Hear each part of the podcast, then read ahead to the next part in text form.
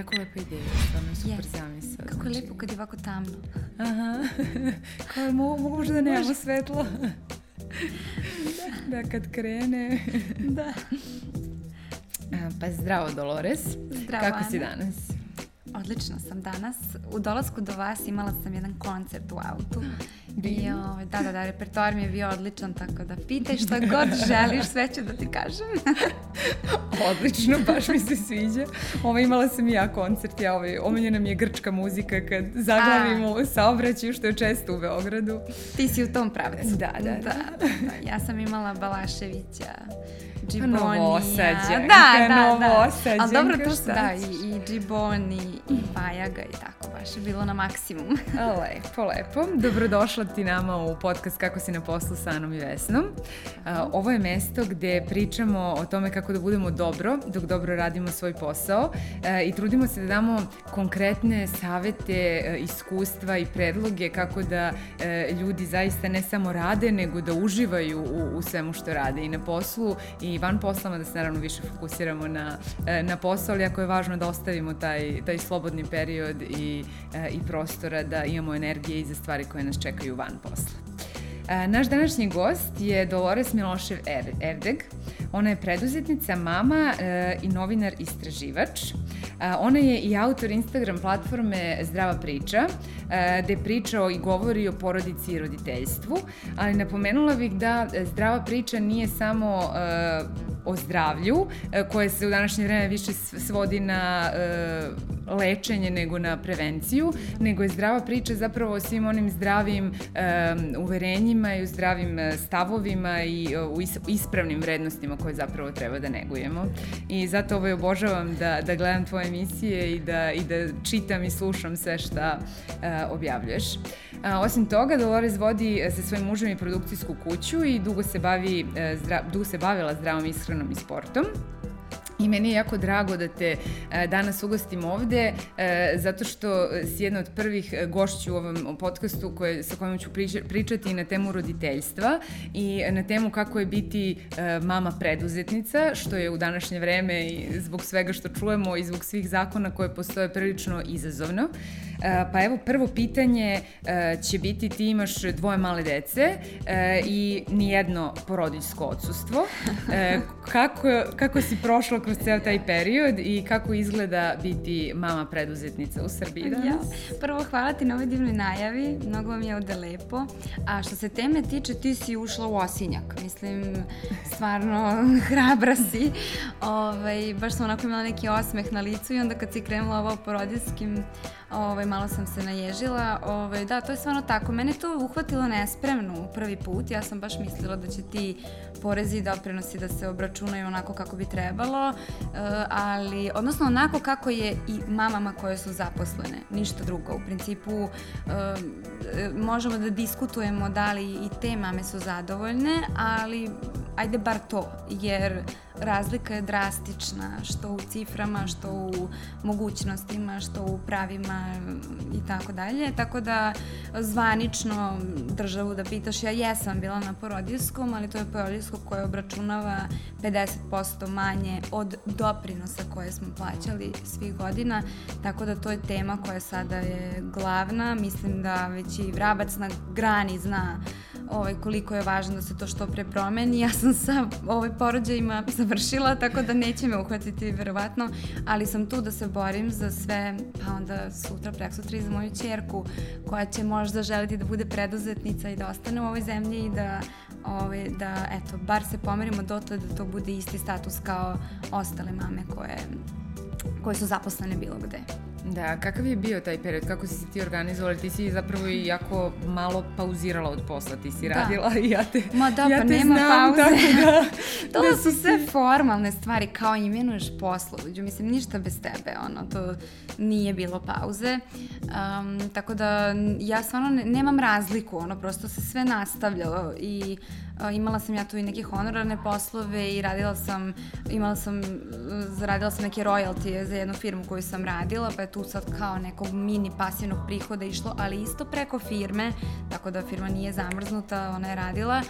Tako da, ovaj, onako, vrlo jedna bolna tema, jednostavno se probudiš i tu, što ja kažem, dobro sam se udala, a ne znam na što će sada ljudi da pomisle, ali e, ima muža koji je to sve jako dobro razumeo i pomogao mi da i njegova i moja firma rade i to je to, ništa drugo od magičnih sastojaka. Da, e, zanimljivo je to, to kad si spomenula zato što, na primjer, Sheryl Sandberg, CEO Facebooka, u svojoj da. knjizi e, priča o tome kako je najvažniji izbor e, u karijeri da. zapravo izbor tvog partnera, jer od te podrške koju ti dobijaš ili ne dobijaš u kući sa, sa decom i kad dođe još više obaveza i porodica se širi, zavisi da. koliko ćeš ti moći da se baviš svojom karijerom i da Pa upravo to, evo sad što možemo da završimo podcast, jer ona je rekla sve.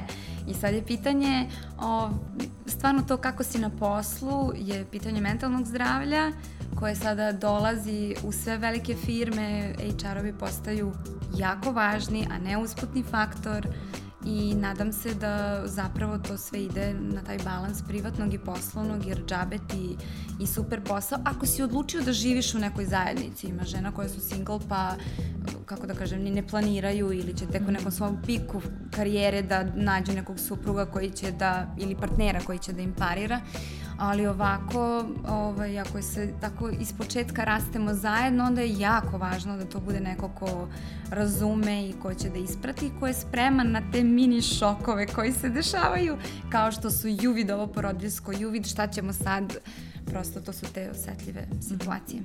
A kaži mi kako izgleda ta organizacija rada sa dvoje male dece u doba pandemije i gde vi oboje e, radite ve, većim delom od da. Kako to funkcioniš? Pa mislim, to nema, mnogi, čak i autori raznih platformi na Instagramu su pokušali da objasne kako izgleda jedan dan sa detetom i bez tog posla u kući. To nema rasporeda, to je ono zažmuri, pokloni se, počni, trudi se da ispoštuješ potrebe deteta. Sreće je da ta deca stvarno puno spavaju kad se rode. Uvek sve nešto, svi su tu spremni da ih gledaju, ako nema šta da gledaš, dete spava.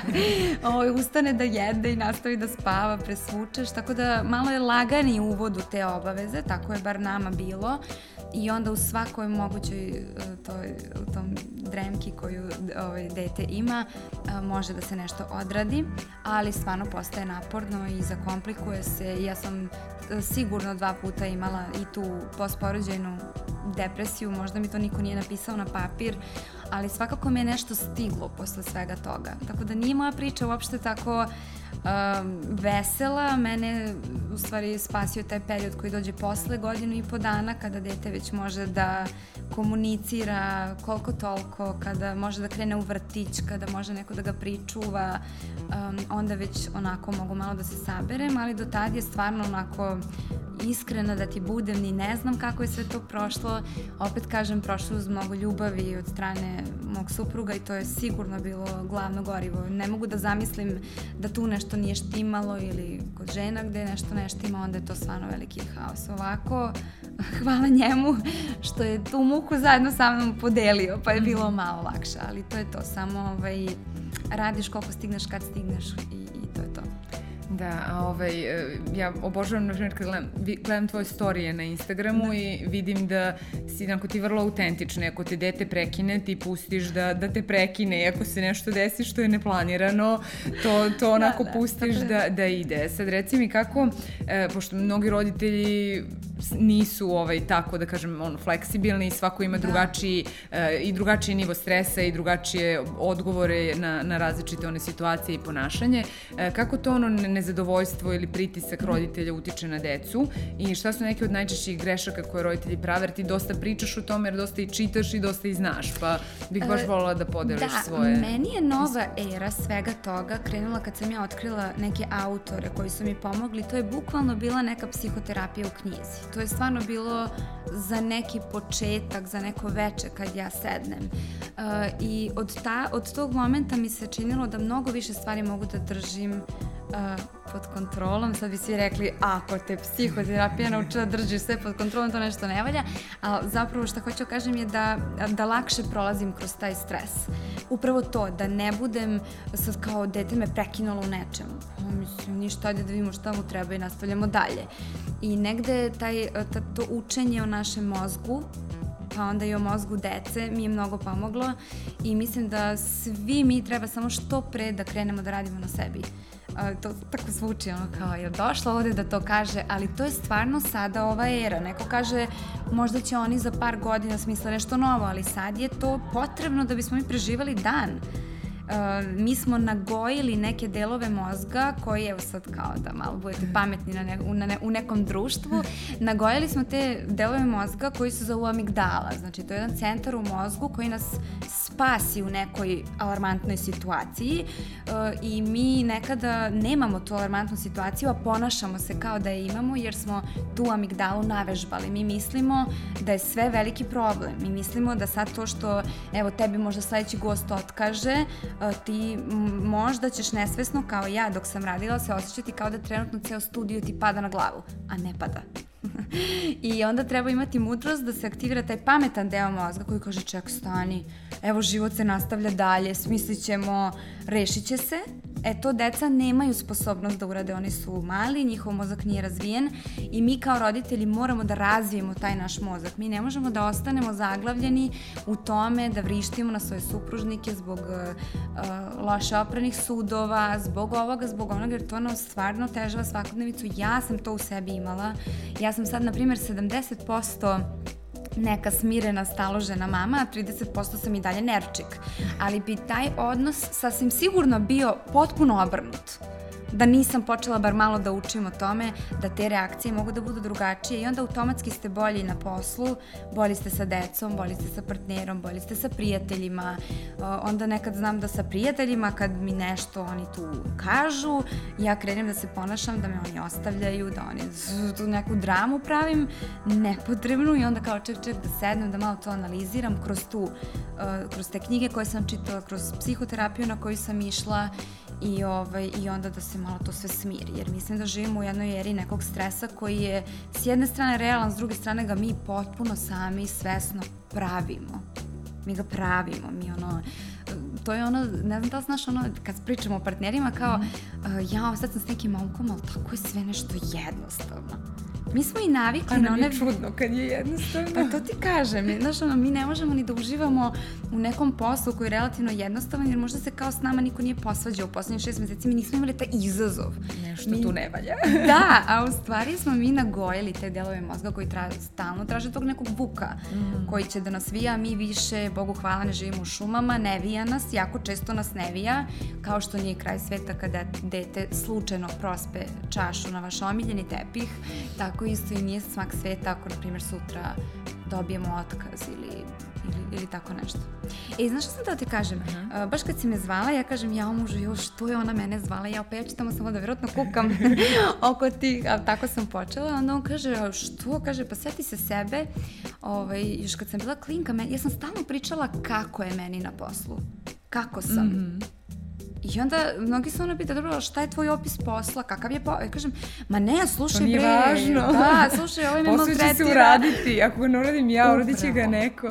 Ja sam uvijek izlazila i sa snimanja na RTV-u kad sam radila, sam stvarno izlazila i pričala o tim momentima između tih snimanja. Meni je ovo snimanje super, ovo će uvek proći super, ja sam imala taj stav. Mm -hmm. I dolazili su nam ozbiljni ljudi, tada rektori fakulteta, ovi oni, ja sam s njima pričala ovako kao s tobom mm -hmm. i uvek je to bilo super, ali kao kad izađem iz studija pa mi neko nešto dobaci, pa mi ovaj njih 40 uđe nervozno koji rade tu emisiju.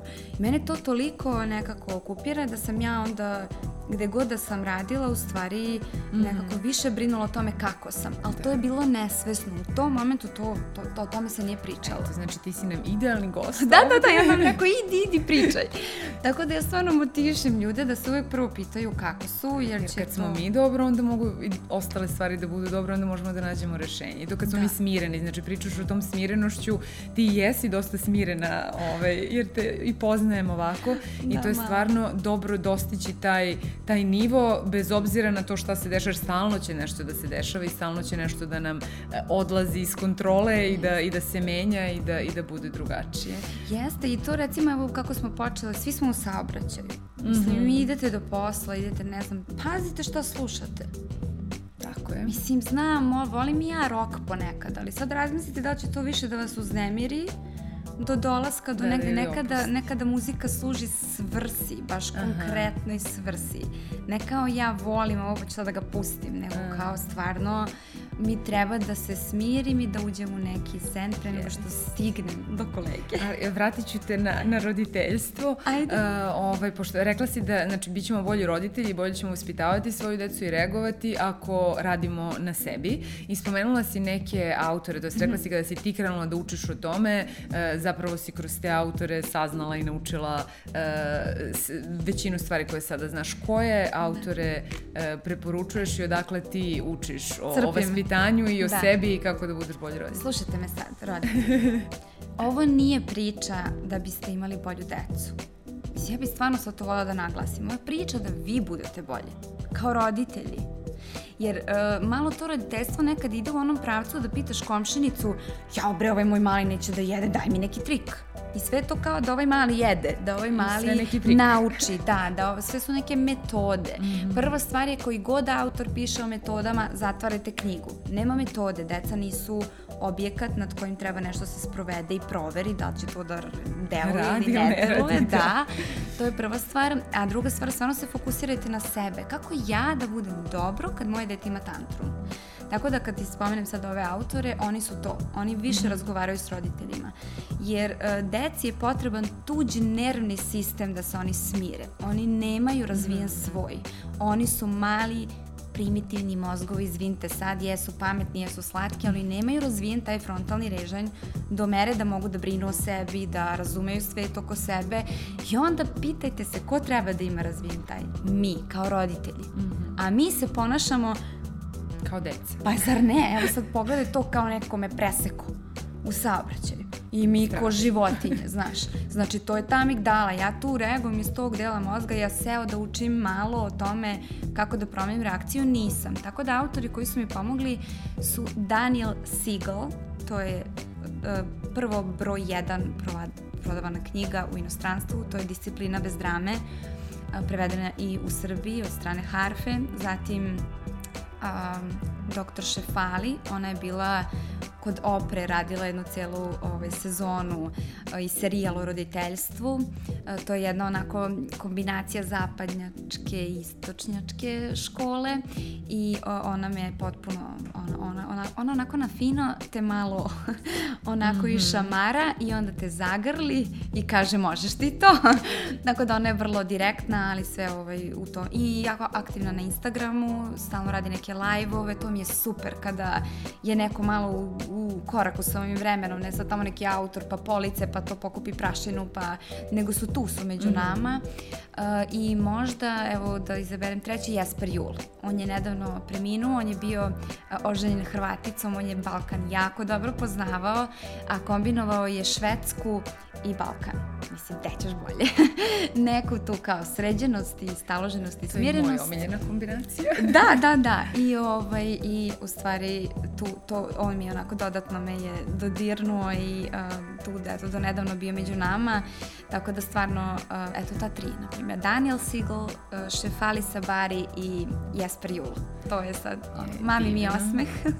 da, o, ja, ja sam baš rekla kada budem odlučila, ako budem odlučila da imam decu, da ću tebe da zovem da mi kažeš šta da čitam, jer ja isto volim da se o svemu ovaj, unapred pripremim i da što više saznam, jer zapravo da, znanje je... Ti je, je ono što Hvala ti, ali ja ti garantujem samo da ćeš se ti osjećati bolje za decu, ne garantujem ništa. to je Ka... sve povezano. pa ne, ali kao i svi ti autori. Da. Mislim, ako će bude realan, ako iko nekad će da garantuje neku ovaj, metodu, princip, pristup, mm -hmm. to stvarno nešto s njim nije u redu. Da. Mislim, s kim radiš, ono, sa, sa, sa objektima. Mislim, to sad ono pitanje, ali znam, znam sasvim sigurno da ako su roditelji dobro, -hmm. da su deca uglavnom nešto A, a reci mi, spomenula sam na početku da je taj period sa malom decom težak i da si sama imala i, i, i taj post-porođenju depresiju i da si prolazila kroz trenutke gde je stvarno naporno i teško, mislim, kao i svim roditeljima. Da. A, a onda kažeš isto da i sve te knjige pom, pomažu da budeš bolje i da se ti osjećaš bolje. Mm. A, šta je nešto što, što ti radiš kada je taj težak period i kada ti je previše obaveze i kada ne spavaš dovoljno? E, moje roditeljstvo je roditeljstvo u dvoje, tako da ja moram mm. da, da to još jednom podvučem. E, svaki put kad osjećam da sam ja potpuno van sebe, ja samo predam ovaj decu mužu. To je tako. I trudim se da je on blizu i ako nije on, da imam neku mamu, sestru, uh, od tetke, ovaj, drugaricu ili bilo koga, ja sam naučila da tražim pomoć. I mislim da je to možda naj... Jer sam stvarno bila loše kad sam dobila prvo dete, to ja ću sve sama, svi se sklonite, ne treba mi ništa i onda to, ja završiš rodila, kako ja završiš. Da ga čuvam. Pa da, mislim, to je sad apropo posla, imao si 8 sati dnevno posao Aha. i onda pređeš na 24 sata dnevno posao. To je to, roditeljstvo je to. I onda se vratiš na posao i onda imaš 24 sata posao i 8 sati posla. Mm -hmm. Koji je sigurno uvek si u mislima ono da li je sve dobro, da li je u vrtiću, da li je bolestan, da li je ovo, da li je ono, tako da to je 24 sata posao i mislim da svako ko kaže da je to nešto lako, da ima puno pomoći. I ja mu se divim i mislim da treba tražiti. A ako možete 24 sata, sa, ja ovo govorim, 24 sami sa detetom, i da ste super i da nikad ono, ne, ne fali vam ni sna, ni vremena sa drugaricom, onda ne znam, njima se ne obraćam, svaka čast, nemojte ništa gledate, ništa čitate. Ove, ali kad ta će to dete verovatno krenuti u vrtić, vi ćete verovatno prirodno hteti negde da se vratite, da radite, da do, mm -hmm. doprinosite, e onda ovaj, tražite pomoć. Da, ovaj, to, je, ovaj, to je ključ. Jeste i to je jako zapravo važna, uh, važna stavka zato što mnogi ne traže pomoć i to guraju sami koliko mogu. Da. Ovaj, a ja znam ovaj, da ti bez obzira na sve tvoje obaveze i na posao i to dvoje male dece ti uvek nađeš vremena i za, za mene da se vidimo i za druge prijatelje i za neke da. druge stvari, tako da to je vrlo, ja kažem, imam veliko poštovanje za ljude koji, jer ja koja nemam decu pa jedva stižem nekad sve i bude mi svega preko glave. Tako pa, da ovo zaista zahteva um, poseban, poseban nivo organizacije. Da ti kažem sad malo da ti uzvratim lopticu, pošto ja tebe znam, ovaj, ti si toliko posvećena svemu što, što radiš, da, da je tvoj posao kao tvoje dete. Znači ti si isto pretvorila posao da nemaš radno vreme i da je tvoj posao neka 24 sata. Možda ćeš ti da legneš da spavaš, ali ćeš da razmišljaš. To. To dosta to menjaš, menjam, da, da. Sad okay. uživam i u odmorima. ali ja ću da kažem, takve osobe prosto znaće šta ih mm. snađe i bit će spremnije ako nekad se odlučiš za to, bit ćeš spremnije jer imaš taj pristup. Evo sad praviš podcast kako si na poslu, znači mm -hmm. nećeš se dovesti do burnouta tako načitana i tako ovaj, uh, mudrija sa svim tim znanjima, ne? A šta ti radiš da, da ne dođeš do burnouta? Pa to i dalje ovo tražim pomoć, tražim pomoć, tražim pomoć. I šta radiš kad dobiješ pomoć? Mislim, šta, šta radiš u tim e, redkim trenucima A, slobodnog to, vremena slobodnog za vremena, sebe? Da. A da, to svašta. Ja imam neki svoj kafić u Novom Sadu koji mnogo volim, uh, u kojem nađem mesta za sebe, to je moja čarolija i ja odem tamo, slušam neki dobar podcast, pročitam nešto, budem sama sa sobom, odem na gradsku plažu, legnem, sačekam da prođe i taj haos i sve to. Nekad stvarno ostanem i kod kuće, nemam snage možda da izađem, ali samo da nemam tu obavezu, to je već uh, dovoljno. Mislim da burnout uh, u svakom poslu koji raste je normalan da se desi mm -hmm. i da ga baš izbegnemo nisam sigurna da je moguće, ali već je dovoljno da ga imenujemo i da nam bude lakše. Aha, ovo je sad ovo je sada normalno što ja ne mogu da sad procesuiram neke stvari i da se dobro preradila sam se, to je to, da ne koristimo mm -hmm. strane reči, znači to je, to je to. I kao, kao i sa decom i pubertetom, što kaže moja baka, e, pa mi nismo imali pubertet, to se kod nas nije tako zvalo. Ali opet kad se saznalo šta je pubertet, pa kad su ovi malo objasnili kakav je to haos u mozgu, odmah ti bude lakše onda ne misliš da si loš roditelj, nego su to hormoni, to je došlo, to treba da prođe, ja treba da se trudim da budem prisutan koliko je moguće, sad da ne pričam, nisam još dotle došla, ali mislim da bude lakše, kao i nespavanje. Mm -hmm Recimo, mislim da mi stalno de, deca očekujemo da prestanu više da se bude. Kao u tom momentu kre, će krenuti neki naš život.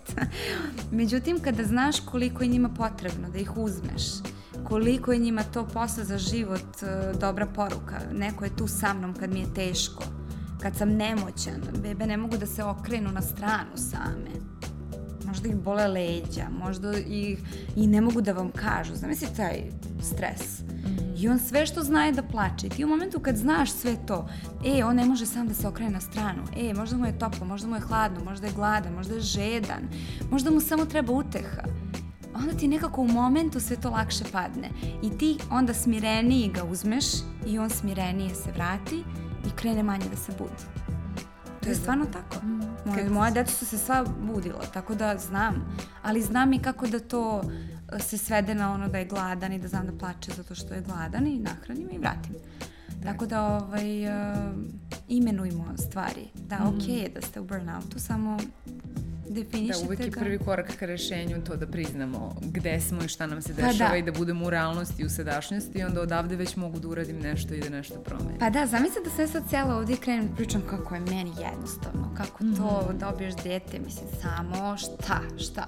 A u stvari nije tačno, mora prvo mm -hmm. da se mhm. imenuje, da, jeste teško, da, naporno je, ali imam rešenje, kao, da. tražite pomoć, naučite malo mozgu svom, malo dete, to vam biće lakše. I kad, kad imaš to veće razumevanje, veće znanje, to kad imaš veće znanje, možeš da imaš veće razumevanje i da samim tim stvari ne vidiš toliko kritično i strašno, nego da pun razumevanja nešto, nečemu priđeš i, da, i to rešiš. Da, upravo tako. Da. da. A, a reci, mislim, već si spomenula to traženje pomoći, imenovanje stvari, a, ali za kraj reci nam e, neki tvoja, tvoja tri top saveta a, e, roditeljima koji, jel te, i rade i, i bave se roditeljstvom, imaju malu decu i možda moraju da rade od kuće i ceo taj e, stres. Šta su neke tri stvari koje bi oni trebalo da rade?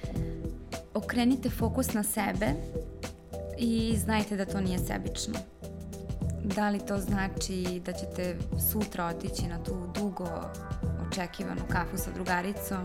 Da li ćete sutra uzeti slobodan dan, a dete se nije razbolelo? Da li ćete, um, šta god, samo okrenite prvo fokus na sebe. Bez griže savesti. Bez to je, griže jako, savesti. Jako... Ne, mi smo vaspitani drugačije. Uh, sad je pitanje kako će ovo gledati moja rodbina. koju je tako vaspitao. ovaj, ali um, to je sve iz iskustva. Prosto u tom momentu postajete bolji i onda se vratite na to neko usijano mesto i budete bolji i nekako se stvari reše. To je prvi savjet. Um, drugi savjet je onda budite nežni prema sebi, jer um, u redu je da, da niste dobro. Uh, I treće, tražite pomoć. Ne mogu da se ovaj, sklonim od toga, ali uh, nekako i psihoterapije, sve malo ide na ono, znaš kao, postavite granice, pa granice, pa granice, pa dokle više s tim granicama. I sad ne govorim o onim granicama sad koje su stara srpska reč u mainstreamu, mm -hmm. ne govorimo o seksualnom zlo... Ne, samo govorimo o tome da nekada smo toliko netolerantni jedni na druge, da nećemo ni proći pored neke radnje gde znamo da radi tamo neka koja me stalno pita kako sam, koja me malo nervira i stalno nešto se stalno diskonektujemo. Mislim da kad, kad pratite fokus na sebe i naučite malo o svom mozgu, da će malo manje ljudi početi da vas nerviraju. Znači, opet kažem, ne govorimo o toksičnim granicama, ne govorimo o tome, nego o tome mislim da više treba da radimo na tome kako da mi komuniciramo. Potrebni smo jedni drugima. Napravite vi granicu s porodicom i onda sutra kad vi dobijete porodicu, kad vam treba pomoć, koga ćete zvati? Mm -hmm. od koga je prirodnije da da dobiješ da, da, da. pomoć. Mislim, granice ne treba da znači da mi su sad sečemo sve veze i da napravimo da, zid, nego to, prosto da. ti dogovori šta je okej, okay, do koje mere, do kog nivoa, a da. šta da. nije. I to je jel, skroz u redu iskomunicirati. Upravo, da. Ne misliš da je u jednom momentu bilo to seci, bez ono, beme da pitaš, samo seci. I pa sad zavisi nekada... ko kako, ko kako shvati. I zato yes. ljudi koji idu na terapiju, koji se bave sobom, kao što ste pričali, koji uče da. i čitaju, oni ono, te, te granice vide kao neku zdravu stvar i nešto što se, da kažem, sa puno razumevanja jako lepo iskomunicira i postavi. To naravno Znaš nije nešto kome? što je nepomerljivo, Znaš. nego je nešto što da. je ono kao to je, ajde da se dogovorimo da funkcionišemo na takav način, da bi bilo dobro i meni i tebi i da bismo mm -hmm. oboje, jer jedino kad smo oboje dobro, može može da, da, Da, lepo treba živi. znati tako postaviti granicu. Mhm. Ja govorim o tome da je u jednom momentu bilo popularno to seci kontakte, ne razgovaramo više i tako. A mislim da, inače, Mhm. To nije upisala sam i taj institut za komunikacije, sada sam na tom professionalu i u stvari me to fascinira. E, Ima polaznika koji kažu, jao, ja sam stalno mislio da mene šef maltretira, sad kad sam shvatio zakone komunikacije, shvatio sam da ja njega maltretiram. znači, mislim da mi prvo moramo da naučimo da komuniciramo, a onda sa zdravom komunikacijom možda napraviš zdrave granice.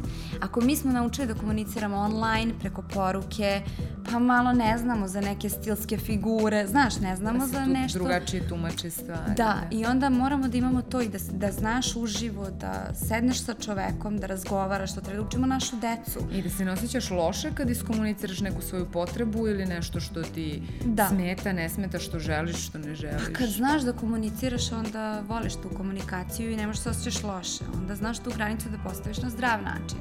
Ali ovako sada tu tako kao ovaj, prejako, to mi je nekako samo onako za par duše. Da, znači tvoje tri savjeta su da e, komuniciramo i da, e, Da, da, lepo trećeg. komuniciramo, da, da, Da. I, i ispričamo šta je ono što, što nam smeta, što nam je okej, što Tražimo nije. pomoć, da. Tako je, da tražimo pomoć i da kad nam je teško prihvatimo da, da nam je Tako teško je. i da budemo okej. s I da okrenemo fokus na sebe. na sebe, da, bez griže savjesti. Bez griže Taj mi se deo najviše sviđa. Mislim da dosta ljudi ima, ima problema sa tim, mislim i ovi koji imaju decu posebno, jer da. to imamo kao uverenje da moramo da se žrtvujemo za decu i da uvek E da, budemo to je tu. jako važno. Sad si, izvini samo Mhm. ako ti oduzimam vreme, uh, to je jako važno. Kad krenete u taj neki rad na sebi kao boljeg roditelja, Mhm. nemojte se mnogo osvrtati nazad. Jer mi mislim da taj ego iz nas proradi ako smo nešto 150 puta uradili i sad nam neko kaže da to nije u redu, mi potonemo, mi se borimo da nekom dokažemo da to možda ipak ima smisla. To su ove Sve batine. ove godine iza neko Debre, bacio. ko će batine da dira? To ono, vaspitna metoda, ono, godinama. I onda imamo taj prvo, ono, ti ćeš meni da diraš to. U stvari, mnogo stvari se ima između. I ajde da popričamo i nekako ne gledate unazad. Nema griže savesti, uradio sam najbolje što sam mogao. U tom trenutku, Da, apsolutno. ako si se dobro osjećao u tome što si radio, to je sigurno bilo dobro. Ali znam mnogi ljude koji nešto rade, a suštinski se ne osjećaju dobro zbog toga. E, to, to je ona razlika. Mhm. Da se prvo stvari dobar osjećaj. Da, A dok važno da radiš. budemo dobro. Tako. Hvala ti mnogo, Dolores, na, na ovom gostovanju i na Hvala svemu što tebi. si podelila sa nama. Hvala, baš sam uživala. Hvala. I ja sam. Uh, hvala i vama što nas eh, gledate i slušate. Vidimo se za nelju dana na istom mestu. I do tada budite nam dobro i vodite računa o sebi. Da, sad je bio aplauz, sigurno. Jeste, da imamo da imamo ovde goste, da. Bio je, bio. Pa može, može.